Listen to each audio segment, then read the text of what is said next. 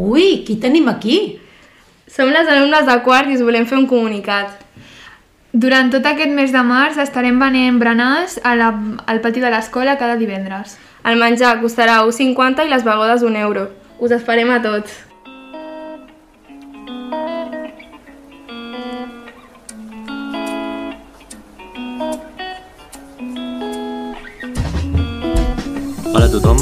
Benvinguts i benvingudes un dia més al podcast del Cor de Maria Blanes i avui tornem a retrobar-nos amb els de tercer de l'ESO i aquí amb en Martí, però abans de tot us presento a l'Anna, com sempre. Què tal, Anna? Hola, bones a tots. Doncs molt bé, avui molt contents de tenir eh, el podcast ben ple d'alumnes i amb en Martí, amb el professor Martí, de llengua catalana, llengua castellana i d'anglès de l'ESO i avui en aquest cas vindrà a fer-nos una activitat que han fet amb els alumnes a l'hora de llengua catalana. Està bé perquè crec que és la primera activitat diferent que fem en el sentit de que no som nosaltres xerrant sobre un tema, com sempre, amb alumnes, sinó que en aquest cas han presentat una activitat que han preparat a classe i no sé si vols seguir introduint tu, Martí. Sí, es tracta d'un de, d'un debat. Eh, tot va començar l'any passat eh, cap al projecte oral del, del tercer trimestre de castellà. Eh, vam decidir fer, fer un debat. Vaig fer escollir als meus alumnes doncs, diferents temes dels quals eh, volguessin debatre i molts dels que van elegir feien referència a, a l'educació i a l'escola, entre els quals pues, les noves tecnologies a l'aula, fer més llengües o més matemàtiques, poder tenir els mòbils a classe, deure sí o no, exàmens sí o no... En definitiva, vaig veure que eren temes que els preocupaven i els hi mm, tenien inquietuds no, sobre aquests temes. I aquí en aquest podcast no, doncs volem reproduir un d'aquests debats que va sorgir l'any passat, eh, millorat, amb més membres, eh, amb més arguments, eh, amb més recerca d'informació. Els deures i exàmens eh, ens preocupen, els preocupen tant en els eh, meus alumnes perquè bé, ells em van dir no, que són, en teoria són la seva eina d'aprenentatge, a part de tot el que reben a classe, lògicament, per preparar-se pel futur i per poder estar ben formats sobre tots els aspectes, de, sobretot els coneixements que han d'adquirir. Eh, el que ens preguntem és si, els que es preguntaven, no? es preguntaven si els mètodes que s'utilitzen actualment, com els deures i els exàmens, són els adequats per eh, formar correctament el, el futur dels joves, no? ja que a ells els hi preocupava tot això perquè ells són el futur.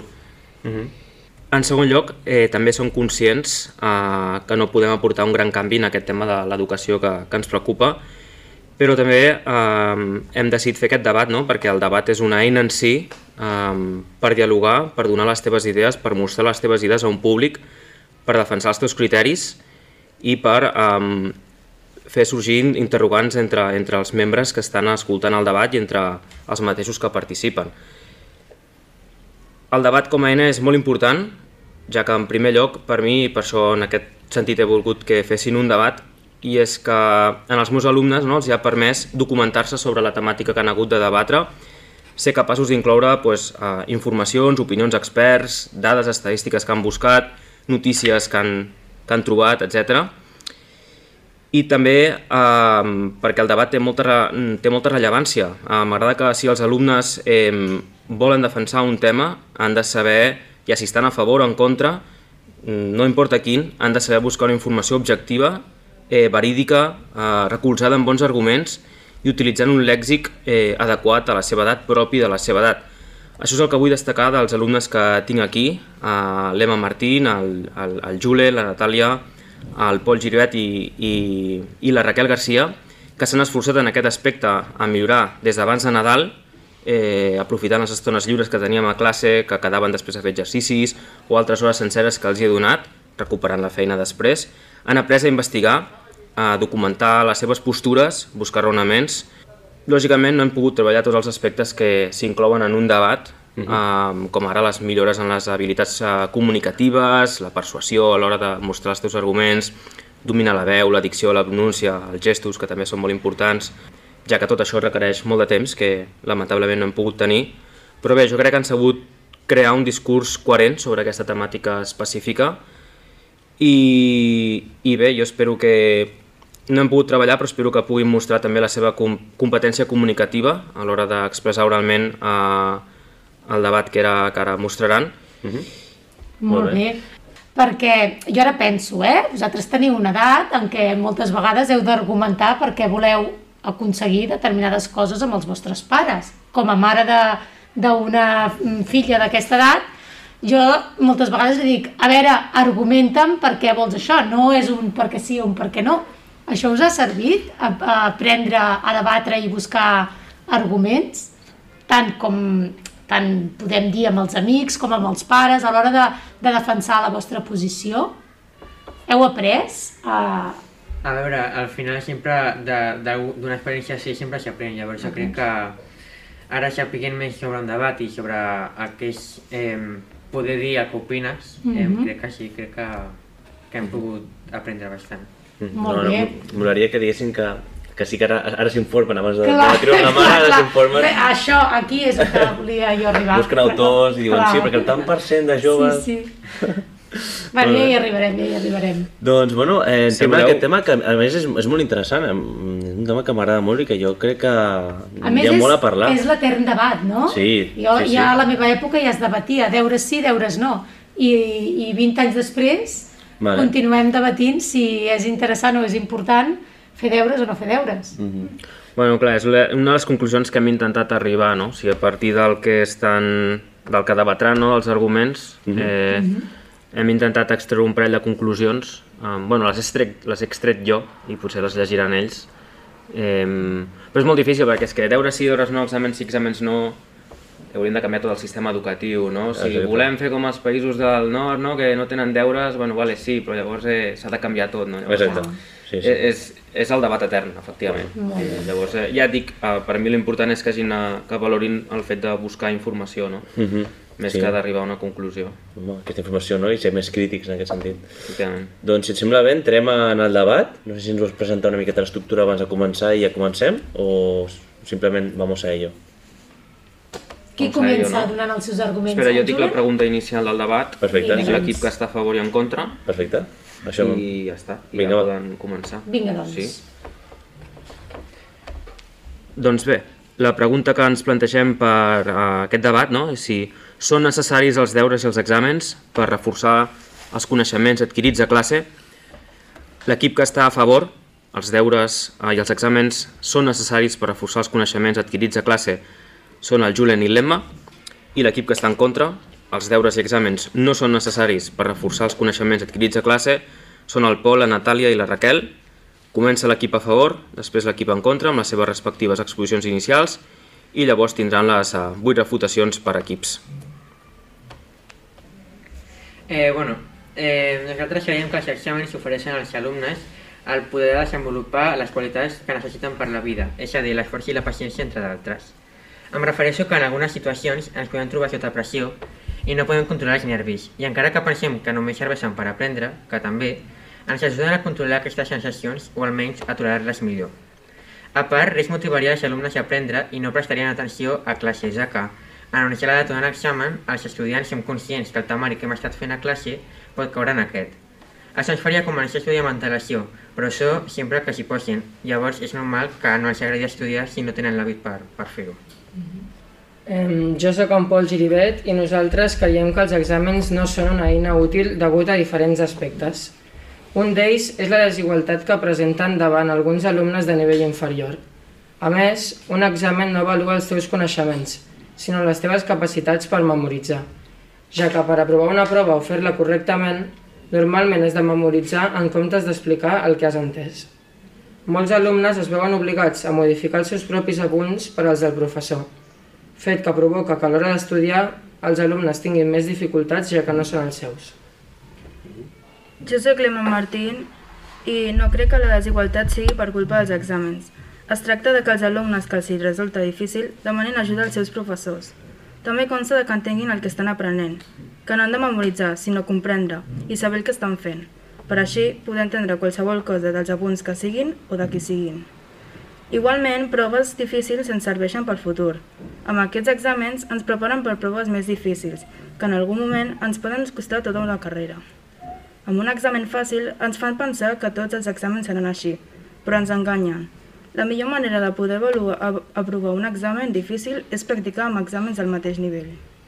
Eh, bé, hola, jo sóc la Raquel Garcia i la meva opinió és que els exàmens difícils eh, no són l'única manera que serveixen per preparar-te per un futur. sinó que també existeixen treballs i projectes que et faciliten ampliar els teus coneixements i preparar-te pel teu futur. Recentment va haver una protesta dels joves a les xarxes socials contra els exàmens, on donaven a conèixer les seves opinions sobre aquest tipus de proves. Aquesta oposició s'ha conegut amb el hashtag eh, Nos Importamos, on aquests alumnes eh, aquest, i aquests alumnes pensen que els exàmens es podrien fer en connexió a internet, ja que a la vida real hauran d'aprendre a utilitzar-lo. I creuen que i creuen i asseguren que els exàmens que els hi han posat són molt complicats. Però al final no depèn de que un examen sigui més o menys complicat, sinó es tracta de la implicació de la persona. Em refereixo a que si la prova és complicada, dependrà de la persona. Potser un alumne que s'ha preparat una setmana sencera en comparació amb un que ha estudiat dues hores abans de l'examen, per exemple, li surt pitjor o millor. Per què? Simplement perquè cadascú té la capacitat que té d'aprendre. Pot ser que el que ha estudiat dues hores abans treu un excel·lent i el que ha estudiat una setmana sencera treu un satisfactori o fins i tot suspèn. Per això menciono el tema de la capacitat. No és l'examen el que és complicat, sinó la capacitat d'entendre i aprendre, que és el punt important. Clar, però a la gent que li costa, normalment reben ajuda del professorat, ja que són conscients de les seves situacions. És evident que si una persona amb dificultats per entendre les coses li costa un temari de la seva edat, significa que aquesta gent haurà de fer altres exàmens, exàmens més fàcils o que s'adaptin al que ells arriben a entendre. Si actualment ja fan proves diferents a persones que tenen problemes per seguir el ritme dels altres, significa que sí es tracta de la dificultat dels exàmens, i això fa que sigui la culpa, la seva culpa i es facin complicats. A més a més, si no hi haguessin deures a casa, els que tenen problemes i els que funcionen bé en la matèria es prepararien de la mateixa manera i equilibrada. Tot ho farien a l'escola, tindrien la mateixa preparació i es demostraria el verdader nivell de cada persona.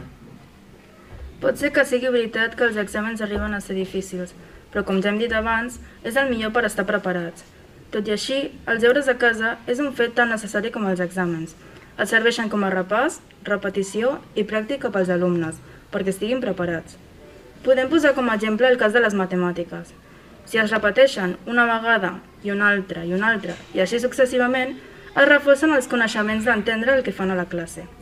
Es comprova si són capaços de valdre's per ells mateixos, sense l'ajuda d'un professor o professora, per poder desenvolupar l'hàbit de treballar de manera individual, que el nen o nena necessitaran un futur per aconseguir l'èxit als estudis.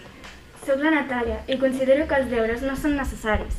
Els hi treuen temps als estudiants de la seva vida personal per fer feina que suposadament s'ha de fer en horari escolar. Per algun motiu, passen més temps a l'escola perquè després, quan arriben a casa, puguin jugar amb els amics o passar el temps amb la família.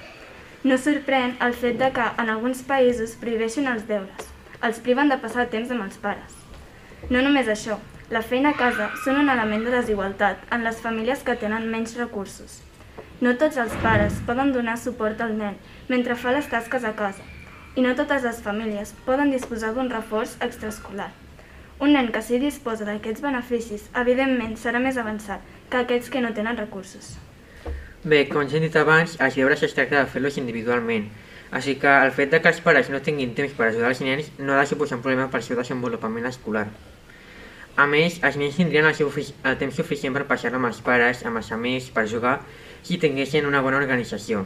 Podrien fer-ho tota l'escola si s'apliquessin el suficient. Si fan una hora diària per acabar els deures a casa, tenen la resta del dia per divertir-se. Moltes vegades fins i tot deures de 15 minuts. Tot i així, hi ha un estudi del New York Times que assegura que els països que, que no fan deures arriben a tenir un nivell acadèmic molt més baix que els països que s'hi fan feina, ja que no tenen la mateixa preparació que els que treballen diàriament algunes hores més a casa. Gràcies als deures, els nens i nenes que no estudien tenen més oportunitats a treure bones notes. Els nens que tenen un coeficient intel·lectual poden aconseguir bones notes, sense la necessitat de deures a casa.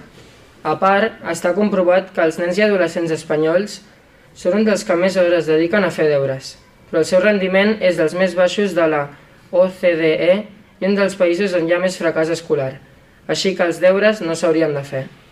Quan estava a primària em posaven molts de deures i molts exàmens per preparar-me i estudiar a casa.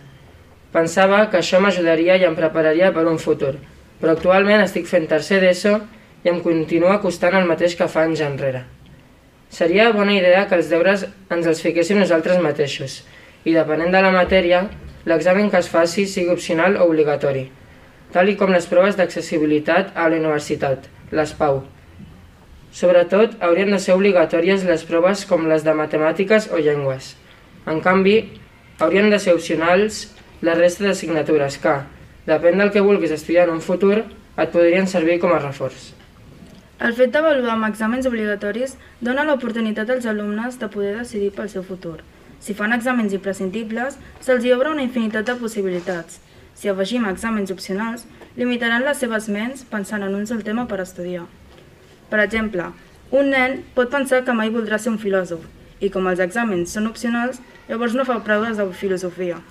Però si aquestes proves són obligades, pot haver-hi la possibilitat de que aquella alternativa que havia rebutjat sigui la que realment li interessa. Per tant, els exàmens haurien de ser obligatoris tots i cadascun d'ells. No té gaire sentit estudiar per exàmens d'assignatures que mai arribaràs a fer. Per què farem exàmens d'història si no és el que en un futur ens dedicarem? Perquè una persona que té clar el seu demà serà l'art d'esforçar-se tant en les matemàtiques? No. Si vols ser artista, llavors donaràs tot per les teves obres. Si vols ser científic, et deixaràs la pell en saber fer les fórmules. Una persona pot decidir moltes coses en la seva vida. Pot triar fer una cosa i dins de dos anys fer-ne una altra. Per què tornar a començar i no fer-ho directament tot? Així en un futur, si decideix canviar d'opinió, no haurà de tornar al principi. Ja tindrà coneixements degut a que fa temps va fer exàmens sobre el tema. La universitat et prepara per un futur i tots els exàmens fa que estiguis desenvolupat per a qualsevol, per a qualsevol opció. Són, tot, són tots tan necessaris que no els podem deixar de banda. Sense, aquest, sense aquestes proves, la gent no seria apta i, per tant, al futur, la seva feina no estaria ben feta. Un exemple clar és la carrera de Medicina. Un metge no pot, no, no pot treballar sense haver passat exàmens, exàmens que li asseguren que està preparat per fer aquesta feina. Si treballa sense tenir la capacitat, podries acabar amb la vida d'algú. Per això són necessaris i obligatoris aquest tipus d'examen. Eh, vosaltres us referiu a que una prova et digui si saps o no saps el que tu estàs estudiant? Una prova no pot delimitar el teu futur. Un professor o un mestre no pot dir el que tu pots o no pots ser o fer. Tu pots estudiar molt per fer un examen, però tenir un mal dia i no concentrar-te per fer-lo bé. Pot ser que per això no treguis la nota que volies i que et mereixes. I això pot marcar el teu futur i fer que els teus anys d'estudi se'n vagin per sempre. Qualsevol persona pot tenir un mal dia, però no pot tenir una altra oportunitat per fer un altre examen el que no ens sembla correcte. Sabeu quantes persones han abandonat els estudis pels exàmens difícils o que no han sortit com esperaven? Segons l'Institut Nacional d'Estadística, més d'un 60% dels alumnes deixen d'estudiar després de l'ESO.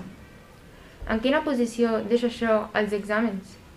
Sense el mateix estudi, la dificultat dels exàmens, deures i projectes augmenta un 70%, el que indica que la dificultat està disparada. Si tots aquests treballs es reduïssin, més alumnes estudiarien i anirien a la universitat. Clarament, n'estem parlant de baixar-los a un nivell extrem, però almenys el necessari perquè hi hagi més gent motivada i no decepcionada. Si reduïm aquesta dificultat, com hem dit abans, hi haurà gent no preparada treballant i posant en perill a la gent del seu entorn i a ells mateixos. Si voleu disminuir aquesta dificultat, hauríeu de fer, hauríeu de fer molts menys anys d'estudi, moltes més proves i tot perquè la gent que no avança tan ràpid puguin acabar una carrera. Què passa llavors amb la gent que pot aprendre a una velocitat major? S'hauran d'esperar tants anys per poder treballar en el que volen? No. Els exàmens són d'aquesta dificultat per diverses raons.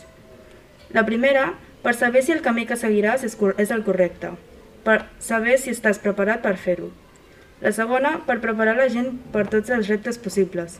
Si tiren la tovallola, no estan preparats. I la última, per saber quanta motivació tenen els alumnes en poder fer el que, el que han escollit. Potser tu estàs segur de voler una cosa, però un cop veus la seva dificultat, o fins i tot només per avorriment, vols provar una, una nova. Només la gent que sap el que vol es queda estudiant per allò. Si no ho fas, no és el que realment vols. La gent sempre pot saber el que vol, però per molt que ho vulgui, no ho pot aconseguir. És com l'altura. Si tu ets baix, per molt que vulguis arribar al sostre, per molt que ho intentis, no podràs. Però no és culpa teva. Aquesta persona té la motivació i l'emoció per fer-ho, però no hi pot arribar. L'única manera és ajudar-la. I això és el que volem fer. Ajudar aquella gent que no arriba a les seves metes, als seus objectius, per moltes ganes que hi posin. I potser la manera d'ajudar-los més senzilla sigui, com ja prèviament hem dit, traient els exàmens. No per la gent que pugui fer-ho. Aquesta gent els pot fer, sinó per aquella, sinó per aquella que necessita més atenció. Podríem intentar fer alguna altra cosa, com bé treballs en internet i llibres, perquè al final, en aquesta vida, no ens prepara una hora de fer un examen, una hora on potser tu no ets bo memoritzant, però sí buscant informació que t'ajudi en els problemes quotidians d'una feina. Cadascú té un do ocult que ha de poder utilitzar. Ja pot ser memoritzant, com buscant informació, com ser organitzat i trobar respostes als llibres. No és una prova, són moltes proves on s'intenta posar aquest do que vosaltres dieu a cadascun dels exàmens. No és un examen que dicta el teu futur, són molts que dicten si ets o no apte. Sí, pot ser molt bo buscant informació, però no sempre pots tenir internet a mà. Les noves tecnologies no van tan ràpid com el cervell humà i encara menys els diccionaris i enciclopèdies. Per a una situació extrema i ràpida, aquest mètode no serveix, t'agradi o no. Si és organitzant, perfecte, però no pots passar de curs per saber trobar una paraula al diccionari. Si no arribes a la meta, has de trobar el moment per rendir-te i l'has de posar tu. Si per aquell 60% que deixa els estudis és el moment, doncs per ells aquell és el moment. Ho decideixen ells, no nosaltres. Nosaltres els mostrem la dificultat que es mostrarà al llarg de la seva vida. Ells han decidit que aquesta no pot ser la seva vida, no hi ha més. Si ens hem proposat una cosa, per què l'hauríem d'abandonar? Per avorriment? Perquè no hi ha ganes? No, si els hi resulta difícil, el que estudien no és un motiu per llançar la tovallola. Si realment creieu que una persona s'ha de rendir perquè no ha sapigut una cosa que el seu cervell no ha pogut deduir, llavors esteu equivocats. Si realment la gent no aconsegueix passar o es rendeix, és per la metodologia que tenim per evacuar. Llavors canviem el mètode. Com va dir un catedràtic de filosofia, un examen amb el llibre obert seria una bona solució als exàmens. En contraposició, els exàmens amb llibre tancat avaluen habitualment la capacitat de l'alumne per comprendre i recordar informació i la seva capacitat memorística. Els exàmens amb llibre obert, el tipus de preguntes elaborades haurien d'avaluar la capacitat d'aplicar els coneixements a situacions concretes i de resoldre problemes, avaluar habilitats cognitives i de raonament crític, però també la de buscar informació de qualitat seleccionant les fonts més adequades. A més, si a les preguntes es demana a l'estudiant que justifiqui la resposta, serà més difícil que trobi la solució als llibres, i això permetrà avaluar la manera de pensar els estudiants. Quan un professor diu de fer, examen, de fer un examen amb llibre, els alumnes prenen això com una excusa, per no aprendre el temari i no esforçar-se de manera que copien el que el llibre posa i els provoquen a fer-se xuletes. Es prepara malament pensant que a l'hora de tenir un llibre on està el, el tema explicat, pensen que serà fàcil, i no és així. Si sempre estem acostumats a tenir davant nostre les respostes, quan arribem al batxillerat, cicle formatiu i universitat, no se'ns presentarà aquesta opció, i per aquesta raó acabarem suspenent tot allò que en un principi, en un principi pensàvem que era fàcil per fer els exàmens d'aquesta manera. Sobretot, hem de saber que sense esforç no hi haurà resultats positius. Els exàmens en llibre no són una mala opció, no opino, no opino igual que vosaltres, ja que parleu d'exàmens senzills, en els quals no es necessita cap ajuda, o sigui, exàmens de primària o inclús secundària.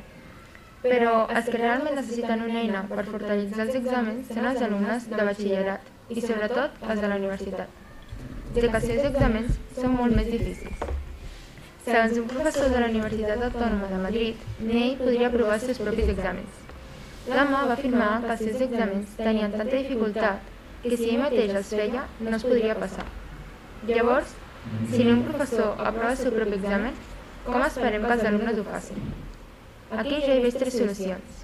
La primera és que tinguin ajudes, com els llibres o inclús internet. La segona és substituir els exàmens per exercicis puntuables i la tercera és fer els exàmens més fàcils. Sí, té. Molt bé, um, doncs ara és el moment de que cada equip faci un resum de cada un dels seus arguments. Uh, començarà l'equip que està a favor. Eh, bé, nosaltres creiem que els exàmens no només ens ajuden a aprendre, sinó que també ens donen l'oportunitat de tenir les capacitats necessàries per saber actuar en situacions on no sabem què fer. Si es canviessin els exàmens, ja sigui fent-los amb, amb llibre o transformant-los en proves opcionals, aquest aprenentatge tindria una funció nula i per fer, i per fer això no hauríem de tenir, eh, en principi, cap obstacle que, com el que anomenem la desigualtat. Si a algú li costa, ha de demanar ajuda, però no significa que sigui culpa dels exàmens. Nosaltres que estem en contra, pensem que un examen no avalua els teus coneixements, sinó les teves capacitats per memoritzar. Els exàmens difícils no són l'única manera que et serveixen per preparar-te per un futur, sinó que també existeixen treballs i projectes que et faciliten ampliar els teus coneixements i ser conscients de que s'apropa. Una prova no pot delimitar el teu futur. Un professor o un mestre no pot dir el que pots o no pots ser o fer. Molt bé, moltes gràcies als dos equips. Com hem vist, en aquest debat hem parlat de diferents aspectes eh, que estan relacionats i es deriven dels exàmens i deures, desigualtats socials i econòmiques, maneres d'avaluar, aprofitament del temps lliure, proves d'accés a la universitat, abandonament escolar, exàmens amb llibre... Bé, nosaltres, eh, amb el que ens hem informat, quines dues conclusions podem extreure del debat i que també hem extret informant-nos eh, per mirar de resoldre les inquietuds que es deriven d'aquest tema debatut. Um, a continuació exposarem dues conclusions que he extret amb els meus alumnes. La primera conclusió. Els exàmens i els deures han de servir per identificar les dificultats i errors dels alumnes al llarg del seu procés d'aprenentatge i també han de servir per trobar els camins per superar aquests problemes. D'aquesta manera, si s'aconsegueix, se'l podrà animar, guiar millor en els estudis, motivar-lo. Així, si se'l recolzen els seus errors i se li donen eines per superar-los, es pot fer un seguiment íntegre del seu progrés acadèmic, pel que s'aconseguirà, i s'aconsegueix també d'aquesta manera, una formació formadora i formativa. És a dir, es podrà regular, s'ajustarà, es, me es mesura el seu procés d'aprenentatge. La segona conclusió que es pot extreure és que els deures i els exàmens han de servir per desenvolupar les competències de tots els àmbits, competències sempre vinculades als continguts propis i adients a la nostra edat, a la seva edat. Han de proporcionar-nos aquelles habilitats i coneixements que ens permetin aplicar allò après a classe per resoldre situacions de la vida quotidiana, ja siguin socials, econòmiques, familiars i en un futur laborals.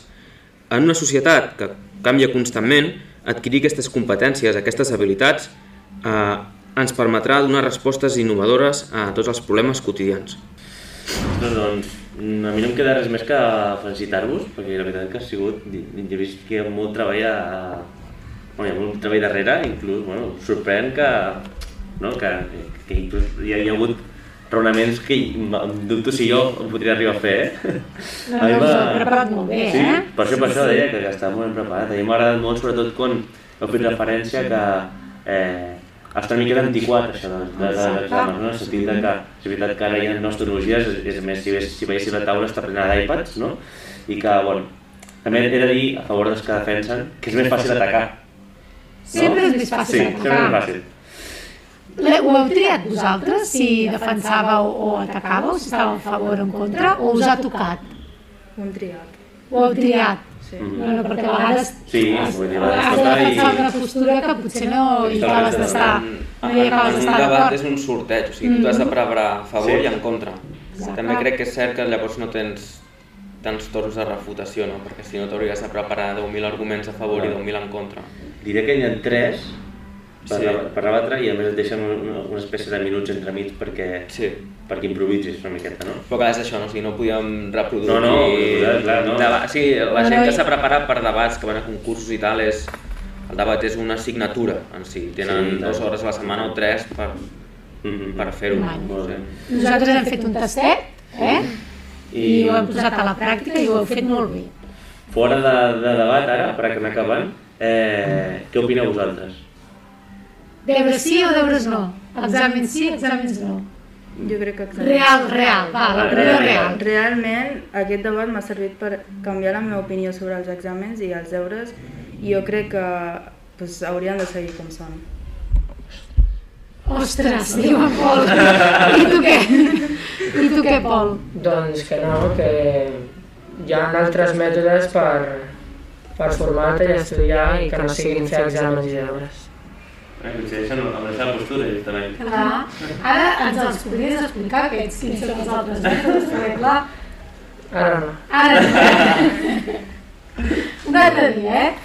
Molt, molt bé, doncs moltes gràcies per, per venir, eh? ha sigut eh, molt enriquidor i jo crec que qui ho escolti també li farà, li donarà que pensar aquest debat. I bueno, ens acomiadem amb la cançó. I Quina cançó tenim? Aquest, eh, avui tenim la cançó de, que es diu A un paso de la luna. Sembla que és una miqueta moguda. La coneixeu? D'Anna Mena i Rocco Hunt. Rocco Hunt. Rocco No, Hunt. no. No, és els bancs del reggaeton. Eh, Tampoc? bueno, molt bé, doncs ens acomiadem amb aquesta cançó i res, ens veiem. Vinga, adéu. Adéu. Miro al cielo y veo que una estrella cae. Aún hay tiempo para un último baile. Deja a un lado la timidez si no es muy tarde. Y acabemos paseando junto al mar. Te sientes bien a un paso de la luna. Confía si te digo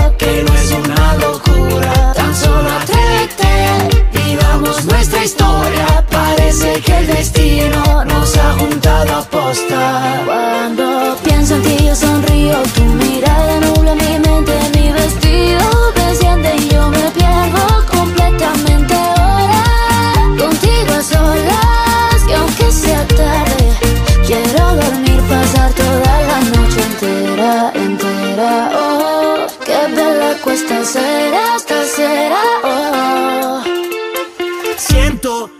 quedarme aquí dentro, aquí en tu camita durmiendo, notando el calor de tu cuerpo y cuando despierte contento, salir a invitarte a desayunar. Esta noche bailame en cualquier lugar, hacer que esto sea muy especial. Te sientes bien a un paso de la luna, confía si te digo que no es una locura. Cuando pienso en ti yo sonrío, tu mirada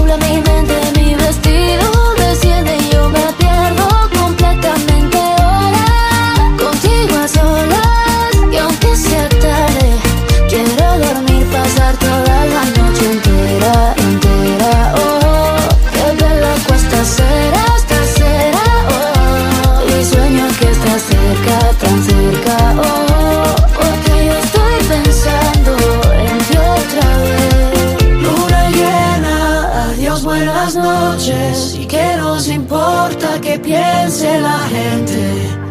Y aunque miren, no es indiferente, da igual lo que opinen o puedan decir. Cuando pienso en ti yo sonrío, tu mirada nubla mi mente, mi vestido desciende y yo me pierdo completamente. Ahora contigo a solas, y aunque sea tarde, quiero dormir, pasar toda la noche entera.